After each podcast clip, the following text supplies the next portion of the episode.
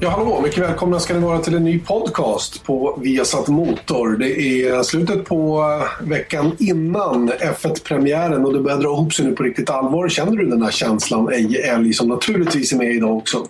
Ja, det gör jag definitivt. Men idag är det en riktig vilodag ska jag säga dig, Janne. För nu har jag varit på resande fot eh, i två och en halv vecka. Jag har varit på GP2-tester, Formel 1-test och eh, gud vet allt. Så att eh, idag har jag tagit det lite lugnt men visst, det är snart dags att packa väskan och ge sig iväg dit ner. Så lite spänt är det. Ja, men vad skönt. Jag, jag satte ner hjulen på Arlanda för, vad blir det då, två timmar sedan. Ja, det är som vanligt, du ska vara värre. Nej, men inte värre. Men jag, jag... det kvittar vad jag säger så ska du vara värre. ja, men det var så här att jag var, tog tre dagars semester faktiskt i Frankrike och åkte lite skidor. Um, och ja. gjorde väl det med sådär mm. framgång måste jag säga. Men det var skönt. Vissa har tid att ta semester. Exakt, exakt.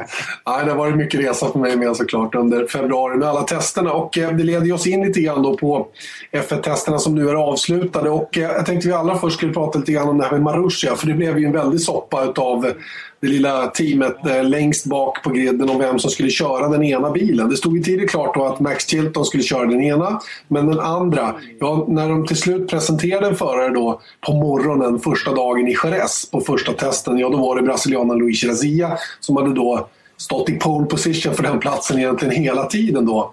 Men eh, det blev aldrig han, nej. Vad hände? Nej, det blev inte det. Och exakt vad som hände Det är väl svårt att, att, spekulera i, eller ska vi inte spekulera i. Men det är väl ganska entydigt klart att eh, det pengarna kom inte fram som det skulle. Enligt ryktet så sägs det att pengarna, den första delbetalningen gjordes men inte den andra och då var det kört. Och som du kommer ihåg Anne, både du och jag spekulerade lite grann i varför han inte körde när han blev presenterad. Mm. Han körde förvånansvärt lite.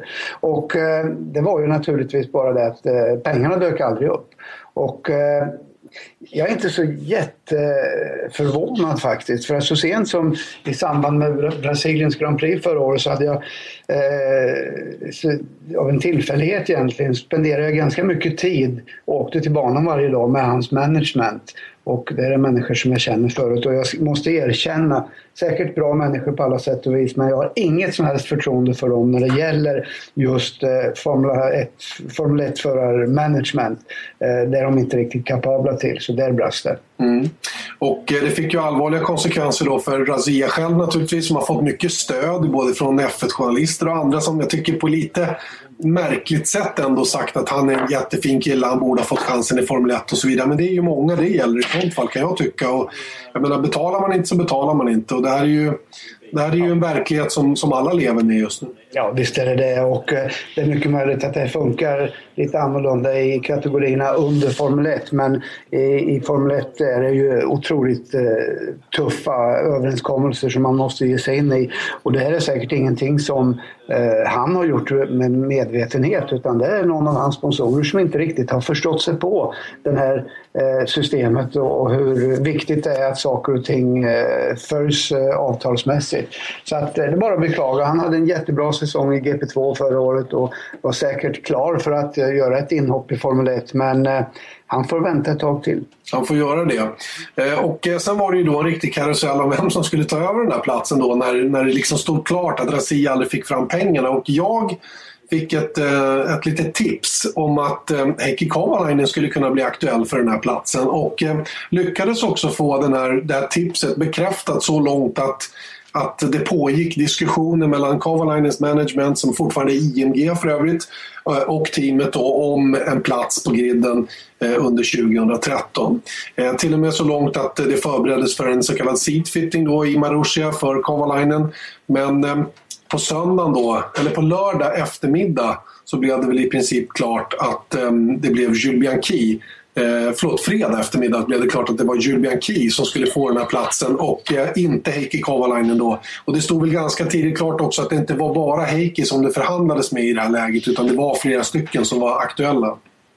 Ja, det är ju så att eh, visserligen fick ju både du och jag en, en ganska god indikation på att, eh, att eh, han var med i diskussionen här, Heikki, helt klart. Mm. Men vi får inte glömma bort att eh, det finns eh, högre upp i leden så, så börjar sånt här läcka ganska tidigt. Och eh, jag lovar dig att när första fågeln bara kvittrar lite grann om att det eventuellt finns en öppning, ja då är säkert tio Eh, manager som är på, på telefon eller e-mail eller vad det nu är och direkt ser en möjlighet att, eh, att kunna eh, hitta en, en, en, öppning och det var precis vad som hände. Och naturligtvis eh, Eh, med Marusias eh, situation, motorsituation, då, den enda som är kvar med, med Cosworth, så är ju Bianchi en, eh, naturligtvis en attraktiv förare. Inte enbart för det, utan han är ju dessutom eh, har haft hela fjol, fjolåret som testförare hos eh, Force India och eh, det känns som att han är verkligen redo. Och han är lite hotshot, alltså en snabb ung kille som eh, har de mesta grejerna på plats och dessutom stöd för, från Ferrari. Mm. Och det är väl ingen nackdel då. Nu tillbakavisar ju Marucci att det här, skulle vara, det här valet skulle vara beroende på att man söker en motorpartner för nästa år och att Ferrari samtidigt söker kunder då eftersom man troligen tappar Toro Rosso då nästkommande säsong. Hur ser du på det?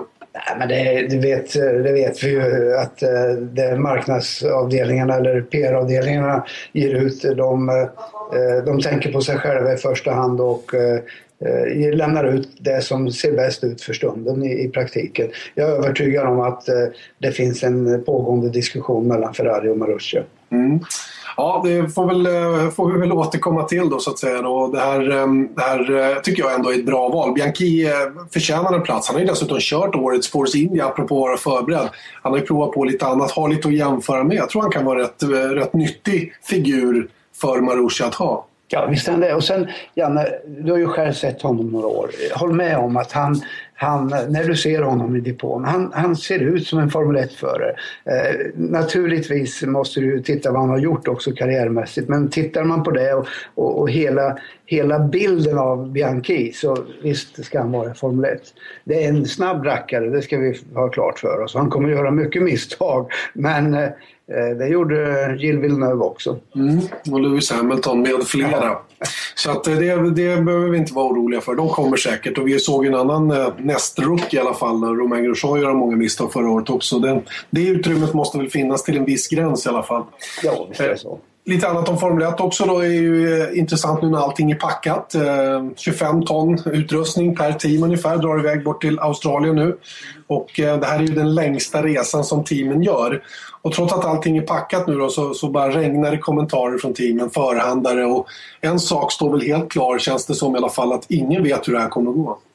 Nej, men det är ju egentligen det har ju varit så de senaste åren att eh, man kan inte dra några slutsatser egentligen av testerna. Visst, man kan gissa lite grann och spekulera men eh, med, med däcksituationen som, som den är just nu och med tanke på att de testerna som har varit har varit på kalla banor så är det någonting helt annat.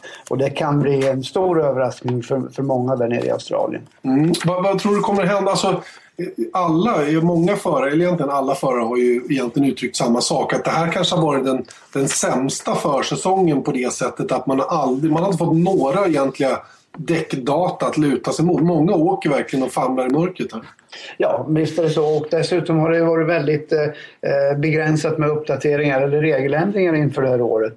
Och eh, eh man, man har, har, tycker jag då, får därmed lite lättare att maskera, köra med mer bränsle än man, vad man ska och, och, så vidare. Så att det är väldigt, väldigt svårt och jag tror uppriktigt sagt att alla är lite Eh, vilsna i sina eh, funderingar på vem som är snabb och vem som inte är snabb. Eh, däcksituationen har ju blivit eh, kanske inte svårare än vad den var i, inledningsvis förra året men den är definitivt eh, ett orosmoment eh, för, för många. Och eh, den enda saken som man väl kan vara någorlunda överens om tycker jag är att de flesta tycker ändå att eller vi säger öppet att de är lite nervösa, lite rädda för att Mercedes ser riktigt starka ut. Ja, det tycker jag är intressant det du, det du kommer in på där. För Mercedes har jag hyllat en del och, och, under de här testerna, vilket jag har sett alla utav, så har de imponerat på mig redan från första stund egentligen. Och även om de hade lite tekniska problem i, i Spanien på Jerez, som jag tyckte såg lite oroväckande ut. Men man hade så oerhört två bra avslutande dagar med många varv där så att det liksom suddade ut sig själv. Eh, men, men det råder väl inget tvivel längre om att de, de har tagit kliv. Sen om det räcker för att vinna VM och hela den biten, det vet ju ingen. Men Nej. 17 har de tagit jättekliv framåt. Ja, visst har de gjort det. Och eh, skulle jag behöva sätta pengar på några i år så naturligtvis så Red Bull, som vi inte har sett så mycket av under testerna och inte, egentligen inte vet var de står. Eh, Red Bull måste nog vara, vara förhandsfavoriter i, i min värld i alla fall. Men eh, jag tror inte Mercedes är långt efter. Och en sak som definitivt eh, visar det här, Janne, det är att om man tittar på teamens eh, egna uttalanden här sista veckan efter den avslutande testen så Eh, de enda som sticker ut lite grann tycker jag är Ferrari för de säger att ja, de ska vara på pallen eh, i Australien. Men sen har du vissa andra som inte alls eh, vågar eh, spekulera någonting. Ta McLaren till exempel som säger att ja, vi måste ta poäng i Australien.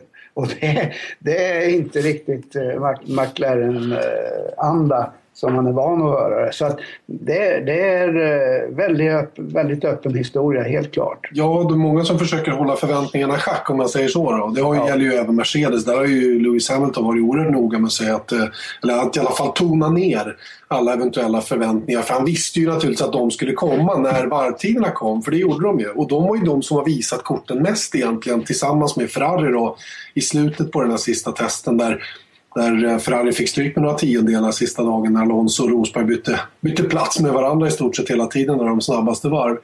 Sen har jag läst eh, delar av den här införgrejen som Autosport har gjort och de, de, får ju till det till rena fantasivarvtider när man ser när de gör så kallad fuel correction av tiderna då när man tittar på ungefärlig mängd bränsle och vad troligt är det de har haft i bilarna och så vidare. Och då, då blir det ju varvtider som närmast eh, som närmast ser helt otroliga ut. Men där fortfarande Red Bull ser ut, i deras ögon i alla fall, att ha lite grann övertaget. Men att de andra där bakom är väldigt jämnt därefter, eller hur? Känns det inte så? Jo, visst gör det det. Nu måste jag väl erkänna att de här akademiska eh, lekarna med, med siffror, eh, de eh, litar jag inte speciellt mycket på. För att det finns så många faktorer som, som inte går att räkna in i det här.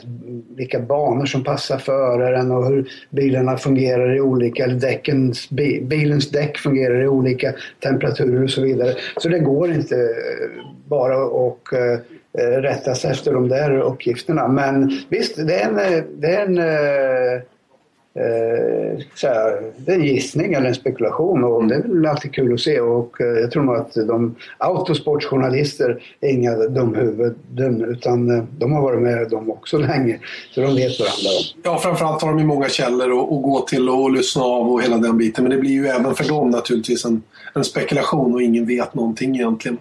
Ja. Hur som helst, vi lämnar väl det då. Det, vi vet ju egentligen på lördag eftermiddag, kanske inte ens då, Eh, nästa lördag eftermiddag, alltså efter kvalet i Australien, då, vem som är snabbast. Men framförallt vet vi det efter racet. Men även där finns det ju vissa teammejor som säger att inte ens efter Australien så kan vi dra några slutsatser. Det, det känns nästan som att men ingen vet någonting. Ja, man är lite bränd efter förra året också. Får inte glömma bort att, eh, att situationen var ju unik då med sju segrar på sju olika lopp. Och eh, det var en ren gissning att få däcken att eh, verkligen komma in i fönstret där de funkade. Så att eh, eh, man är säkerligen lite nervös för att man ska hamna i en liknande situation. Mm tycker vi lämnar tillfället i alla fall, Formel 1 då, en liten stund. Du har ju som sagt varit på GP2-tester också och eh, självklart är ju fokus på Marcus Eriksson eh, som kommer att köra i Dams-teamet den här säsongen. Den regerande mästaren av Dams som har vunnit de två senaste åren. Och eh, nu när GP2-testerna är klara så är vi naturligtvis eh, nyfikna på hur det har gått. Vi fick tag i Marcus för en liten pratstund. GP2-testerna är klara. Hur har det gått tycker du? Ja, jag tycker det har gått eh, relativt bra. Eh, vi körde ju första tre dagarna i Jerez och där var jag med topp 6 på alla testpassen. Eh, så vi var med fram hela tiden och, och, det funkar bra. Inga stora grejer utan vi gick igenom våra program och, och tyckte vi var bra med. Sen sista tre dagarna gjordes ju i eh, Barcelona och eh, där var det regn första två dagarna och det var väl inte riktigt eh, så bra som jag hade hoppats. Jag hade lite problem att få regndäcken att fungera, så vi var väl någonstans i mitten för det mesta. Mm. Men sen eh, sista testdagen eh, i Barcelona, dag tre, så, så var det torrt igen och jag lyckades sätta andra snabbaste tid då, över dagen. Så det var jag väldigt nöjd med att ta med sig nu till, till första racet. Eh, I år kör du ju för, för förra årets vinnarstall Dams. Vilka är de hittills största skillnaderna mellan Dams och ditt gamla stall iSport? Ja, först och främst är ju Dams, eh, som, som du säger, de har vunnit eh, två år i rad nu i GP2, så de har ju uppenbarligen en väldigt bra bil och ett bra team med ingenjörer. Eh, sen märker man också att de jobbar väldigt, väldigt noggrant med förberedelser och analyser under tester och innan tester och efter tester och, och, och, och race. Så det känns som att det är en nivå till på noggrannheten i, allt de gör. Och, eh, eh, sen ställer de också såklart höga krav. De, de är där för att vinna, inte för att komma tvåa. Så det märks att de är ett vinnarteam. Eh, GP2-premiären äger rum den 23 mars i Malaysia. Hur, hur ser du på det racet? Det ska bli jättekul att dra igång nu. Eh, jag tror det kommer bli ett bra race. Dams var väldigt starka där förra året. Valtecki var på pole position och kom tvåa i racet tror jag. Så, så de hade ju uppenbarligen bra helg där. För mig så var det en mindre bra helg och jag var väl rätt så långt ner och hade inget bra flyt då. Men eh, vi eh, ska förbereda oss väldigt noggrant för, för, Malaysia så att, vi, så att jag är redo att leverera. För jag tror att eh, jag kommer ha material till att vara med och slåss om segern direkt i, i första racet. Vad kul, vad kul. Vi ska absolut följa dig där. Eh, så måste jag även avslutningsvis ställa den här eviga frågan om Formel 1. Du har sagt att det här är ditt sista år i GP2 och lyckas du kan det mycket väl öppnas dörrar till just Formel 1. Eh, exakt hur stor press känner du inför säsongen egentligen? Ja, alltså det, för mig så är det är, är min egna press som kanske är störst. Alltså jag vill ju lyckas och nu har jag fått den här superchansen att få köra för, för dans som har vunnit två år i rad. Så jag känner att jag har alla verktyg till att eh, vinna mästerskapet. Eh, sen måste man komma ihåg att GP2 är ju den bästa serien som finns under Formel 1. Så det är ju en otrolig konkurrens. Men eh, jag tror på mig själv och jag tror på mitt team och jag tror att jag kan vara med längst fram och fightas. Och, och gör det och lyckas vara med och fightas om mästerskapet eller till och med vinna det så, så hoppas jag att det kommer finnas eh, möjligheter att komma till Formel 1. Men eh, det gäller för mig att vara Eh, ha kortsiktiga mål, fokusera på det jag kan påverka just nu och det är mitt, eh, min GP2-säsong och mitt första race i Malaysia. Sen får man se vad som händer efter det. Mm, Marcus Eriksson där alltså som eh, känner mest press från sig själv säger han och eh, på frågan om man kan ta sig till Formel 1 så, så är han ju helt rätt ute när han säger att det är en otrolig konkurrens. Det har vi ju inte minst sett då när det gäller platsen i Marussia och så vidare. Eh, hur känner du runt omkring det? Har han reella chanser att eh, nå hela vägen fram till, till målet?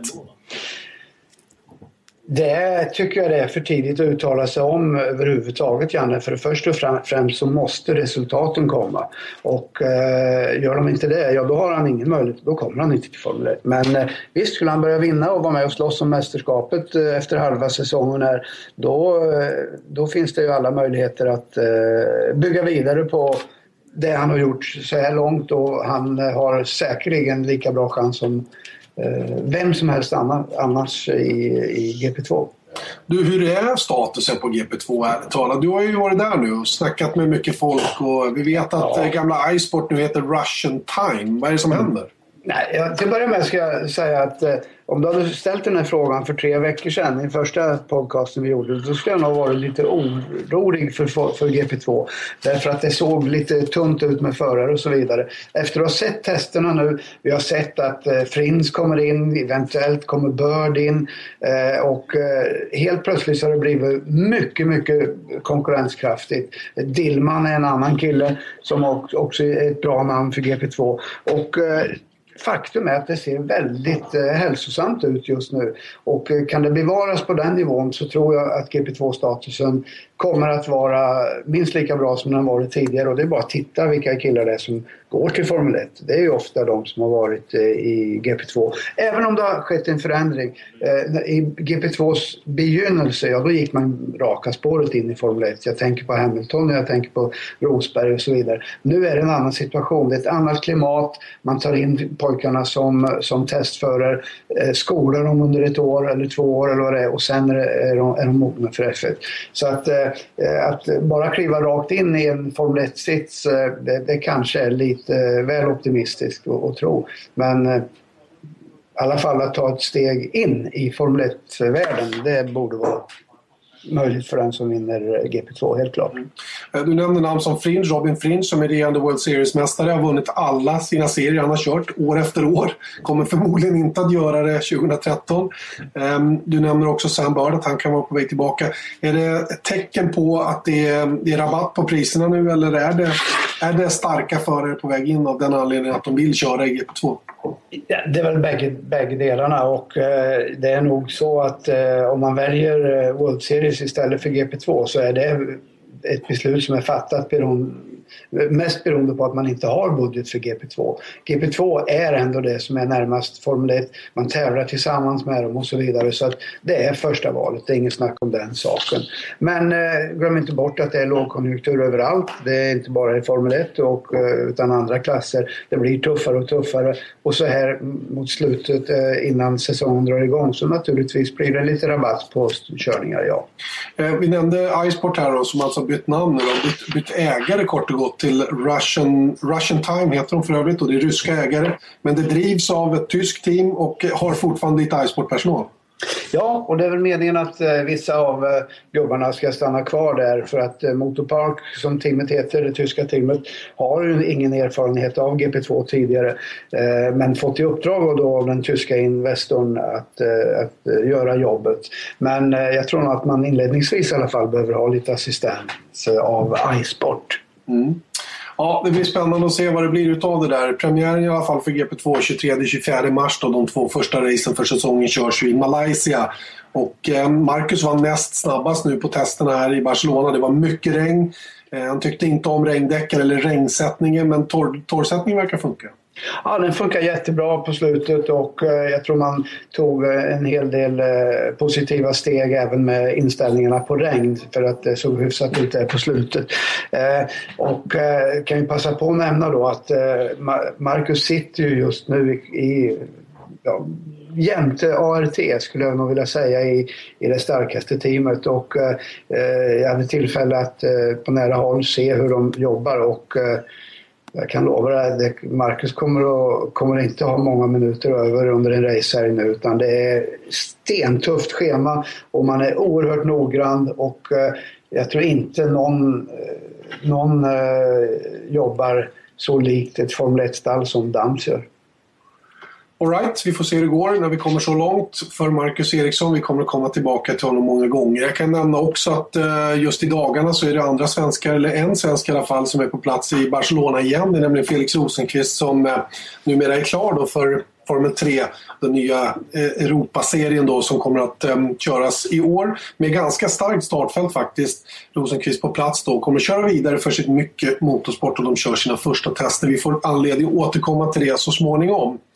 Ehm, leder oss in lite grann på svensk racing. Det har ju varit lite på tapeten här den senaste tiden. Jag vet att Rickard Göransson sitter bakom ratten i en racebil nu för första gången nere i Frankrike.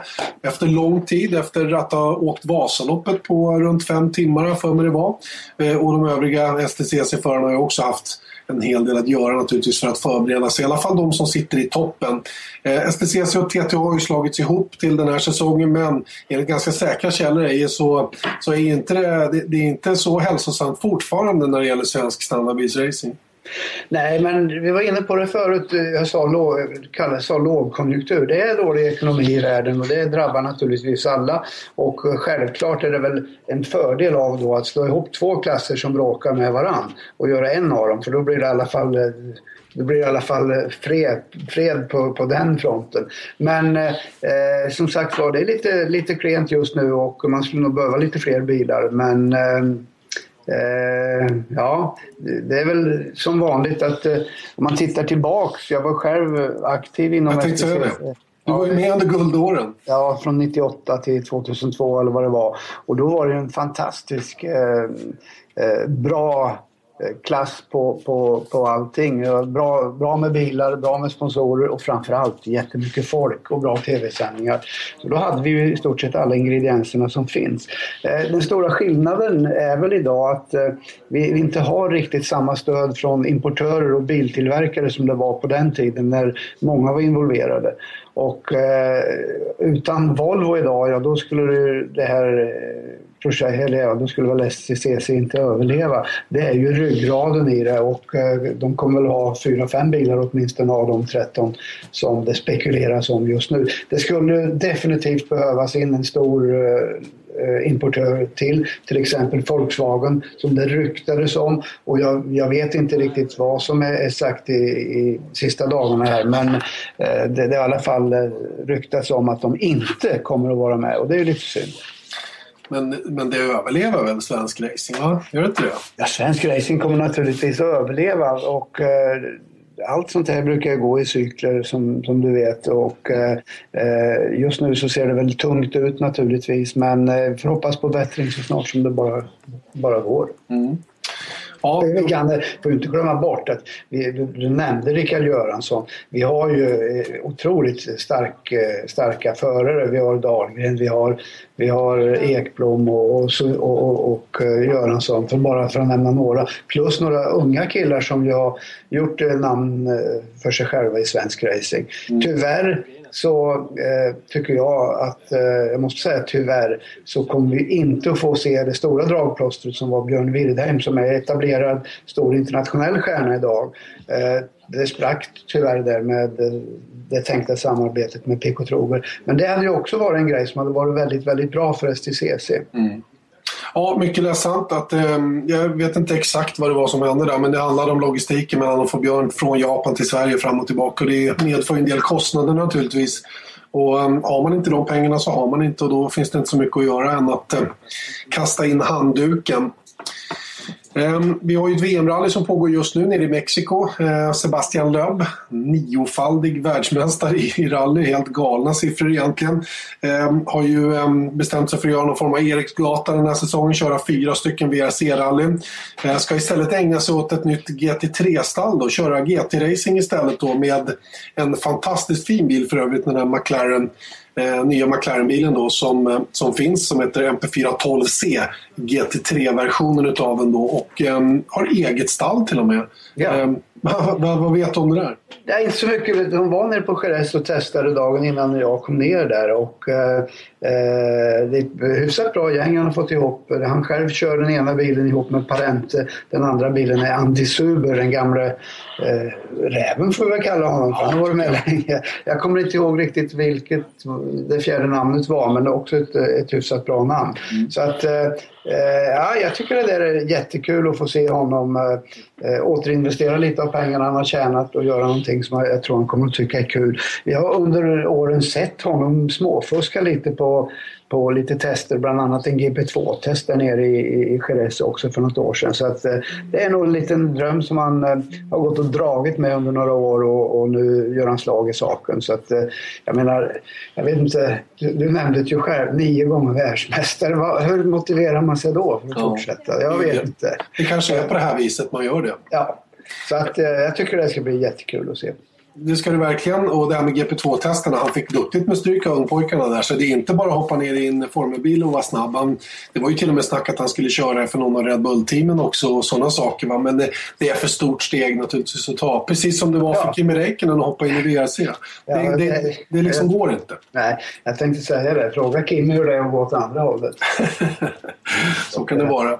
Hörrni, vi, vi äm, har ju pratat äh, andra svenskar. En svensk som äm, fått lite snurr på karriären igen nu då, är ju Alex Danielsson. Det har ju varit, ehm, har har varit eh, ganska mycket eh, media om honom faktiskt på senare tid. Och Alex som eh, de flesta vet nu varit över och i USA och testat något som liknar Nascar i alla fall. både Nationwide Bil och serien som finns inunder då. Och det här är ju en kul grej naturligtvis för, för Alex då. Och bara för några dagar sedan så fick han ju också ett samtal där han nu har bestämt sig för att flyga över och köra sin första tävling redan den 16 mars. Vi fick en liten pratstund med Alex om detta. Det var tal om att du skulle få tävla för Nascar i sommar men så fick du ett samtal och ska tävla redan nu den 16 mars. Vad var det som hände egentligen? Det som hände var att eh, vi hade ett väldigt bra test och för varje dag som går från det testet, det var för en dryg månad sedan, så har det legat och grott lite grann och alla blir mer och mer ambitiösa för varje dag som går. Samtidigt så fick teamet in en sponsor på bilen i fråga. Så eh, då hade de en delfinansiering klar redan. Och därför lyfte de frågan med mig och frågade eh, helt enkelt om jag kunde tänka mig att komma över redan eh, nu i mars här. Och det är väldigt kort boll. Do you ever feel like money is just flying out of your account and you have no idea where it's going? Well, I know it's all of those subscriptions. I used Rocket Money to help me find out what subscriptions I'm actually spending money on, and I had them cancel the ones I didn't want anymore. Rocket Money is a personal finance app that finds and cancels your unwanted subscriptions, monitors your spending, and helps lower your bills. Rocket Money has over 5 million users and has helped save its members an average of $720 a year with over $500 million in canceled subscriptions. Stop wasting money on things you don't use. Cancel your unwanted subscriptions by going to rocketmoney.com slash pod24. That's rocketmoney.com slash pod24. rocketmoney.com slash pod24. För mig att hantera. Eh, dels så måste jag ha rätt licenser och det går via Nascar. Det går inte att köra med... Har du licens att köra Formel 1 så får du inte köra Nascar för det. Okej. Det är helt separat. Och sen måste jag all ny utrustning som jag hållit på och sourcat och fått hjälp med nu med ett riktigt proffs här i Sverige. Ehm, så att jag kommer få hjälp eh, och, och grejerna är på väg till teamet nu medan vi pratar här. Mm. Ehm, plus att, inte minst då, så eh, har vi en delad ekonomi i den här tävlingen. Ehm, vilket gör att teamet faktiskt går in och täcker en väldigt stor del av det. Men det lämnar ändå en viss del som jag behöver täcka och har man liksom två och en halv vecka på sig så är det inte skitenkelt. Men Mm. ehm, det här är så viktigt och det är viktigt av flera anledningar. Ehm, så, så därför måste jag helt enkelt göra det. Så därför gör jag det. Det, det är väldigt korta puckar, men, men hur känns allt det här då? Det känns bra. Det känns ju jättebra. Liksom, eh, på ett sätt kan man ju undra vad är det som händer. För att nu helt plötsligt lyfter allting här. Ehm, jag menar, det, det, är lite, det är lite trixigt då, att tänka sig en, en framtid med intensivt tävlande. Eftersom jag har mitt dagjobb um, som jag sköter. Och uh, jag tror heller inte att vi kommer prata mycket mer än ett antal race i år. Ehm, det här är en uppbyggnadssäsong och man skapar relationer. Jag ska träffa någon sponsor nu när vi är i USA och se hur vi kan vidareutveckla det. Så hur känns det? Det, det finns inte mycket att känna om än faktiskt. Därför att jag har ju faktiskt bara kört ett, ett test till dagens datum. Det är allt jag har gjort. Sen kan det finnas fantastiska planer och så vidare men man ska inte springa innan man kan gå här. Teamägaren till det team du ska köra för heter Derek Coop och är en gammal Nascar-legendar som bland annat har vunnit Daytona 500. Hur är din relation eh, med honom? Ja, jag träffade Derek eh, första gången jag var i USA och gjorde det testet. Och han har otroligt mycket respekt för mig som förare, vilket jag tyckte var överraskande. Främst för att han har åstadkommit mycket mer än mig själv. Ehm, och jag är en sån här europé, liksom. Mhm, mm, Som det går eh, 12 på dussinet, liksom. ja. Och, och det här är en nationell serie. Man anser väl inte i regel, amerikaner anser inte att europeer klarar av det här. Eh, men men det är så inte alls Derek. Han är otroligt trevlig, eh, glad, positiv. Sen eh, under de här dagarna vi umgicks, jag var ju där i sex dagar, så växte vår relation väldigt stark. Och vi jobbade väldigt intensivt med varandra på banorna eh, där vi körde. Och han var min mentor och instruktör helt enkelt under de här dagarna. Och har man tid och möjlighet så finns det ett litet klipp på fyra minuter från den här eh, testkörningen. Där man kan se och höra och, uppleva vad vi gick igenom. För det var fantastiskt. Och, och var ligger det klippet? Det ligger på Vimeo. Det- Jag tror Okej. att det heter Alex Follow Me to Nascar. Det Okej. ligger också länkat från den här Facebookgruppen som har, som har poppat upp här nu. Ehm, som också heter Alex Follow Me to Nascar. Eh, Från det ena till det andra, vad tror du om söndagens Sprint Cup-race i Las Vegas? Ja, jag har ju väldigt höga förhoppningar. Mm. Ehm, det här är en eh, hård och tuff bana. Vi har sett Daytona 500. Eh, vi såg förra helgen. Jag tyckte att det var betydligt mer intressant förra helgen än Daytona 500 faktiskt. Det var ju kul därför att det är första loppet på året och för den största tävlingen. Men det blev väldigt statiskt i loppet tyckte jag med den här nya generation 6-bilen. Mm. Ehm, förra helgen så var det betydligt mer action och man kände att de raceade bilarna hårdare. Jag tror att det kommer släppa igen nu till, eh, till Las Vegas. Och jag tror att det kommer bli riktigt häftigt. Kul. Jag kommer sitta bänkad. Jag har som vanligt riggat upp eh, min projektor hemma på vardagsrumsbordet. Drar ner en duk, några polare, lite Budweiser och beef jerky. Och sen är det race. Härligt, härligt. Tänk på formen bara. Tänk på formen. Inför nästa år. Det gäller att vara positiv och glad. ja, det är det viktigt. ja, ja, självklart. Och det blir man när man eh, gör en sån grej. Eh, I Sverige har ju Nascar blivit mer och mer populärt, men det är fortfarande många som inte riktigt är, är med på tåget. Vad, vad kan du säga för att eh, hjälpa dem på traven? Ja, det här är en bra fråga. Eh, jag menar, för egen del så var inte jag alls med på tåget initialt. Jag höll ju på att tävla aktivt i ja, åtta år innan jag ens gav Nascar en chans.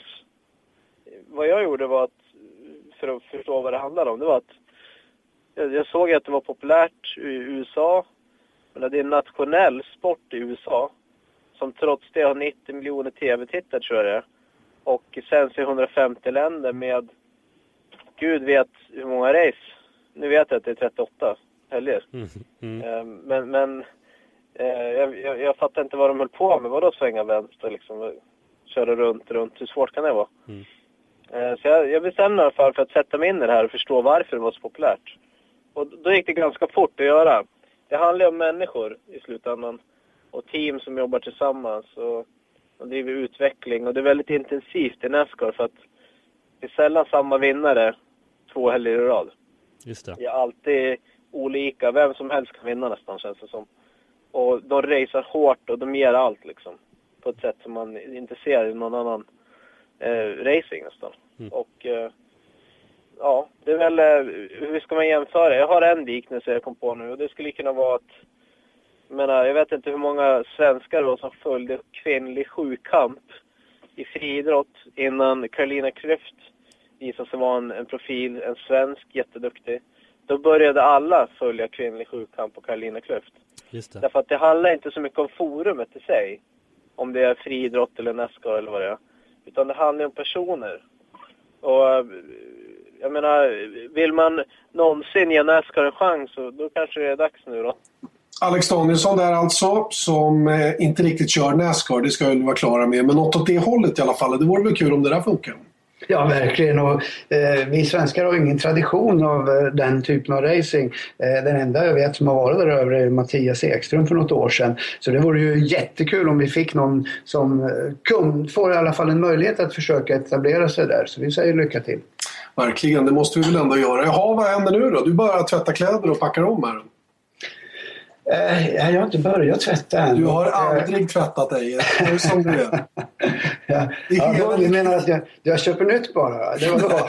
Du har väldigt, väldigt bra markservice. Jag vet det. Ja, men det är nämligen så att eh, just nu så är jag ensam med två hundar och jag tror ingen av dem kan eh, tvätta mina kläder. Så någonting måste jag hitta på. Så vem av de gamla hundarna ska lära sig sitta? ja, nu fick du till det. Ja, verkligen. verkligen. Hur som ja, men ni åker i alla fall till Australien. Ni gör det på måndag. Jajamän. Det ska väl bli härligt. Va? Melbourne, med Albert Park och allt Ja. vad det är. Det, Det, blev mycket kortbyxor där Janne. 35 grader. Jag pratade med vår gemensamma vän Harry Skog som är på plats han rapporterade vädret idag. Så. Perfekt, perfekt. 35 grader, ja, det är något annat än de här 8-9 graderna som har varit i Barcelona. Ska vi komma tillbaka till det lite grann? Det, det kan ju faktiskt eh, ställa om saker och ting ganska ordentligt.